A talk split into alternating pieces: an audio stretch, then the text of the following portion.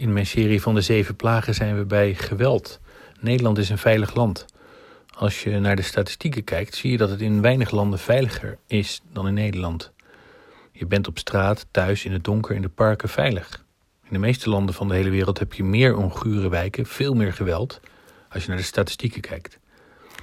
Want er is in Nederland heel veel geweld dat we niet zien, dat willen we niet zien. Omdat we genoeg op ons bordje hebben, of omdat we niet zouden weten waar we moesten beginnen, of wat we ermee aan moeten. Vele duizenden vrouwen in Nederland zijn eigendom van een mens. Ze zijn slaaf. Vaak worden ze gebruikt voor seks, zijn ze gekregen als betaling voor drugs of vuurwapens.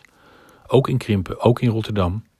En daarbij wordt heel veel geweld gebruikt. Fysiek, psychisch, dwang.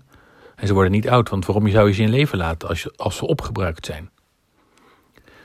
Vele tienduizenden vrouwen in Nederland worden geslagen. Iedereen die dit hoort, kent iemand die als persoon meer dan één keer door dezelfde persoon geslagen is. En dat is strafbaar en dat andere ook. Hoe kan het dan dat het zo vaak en zo voortdurend voorkomt?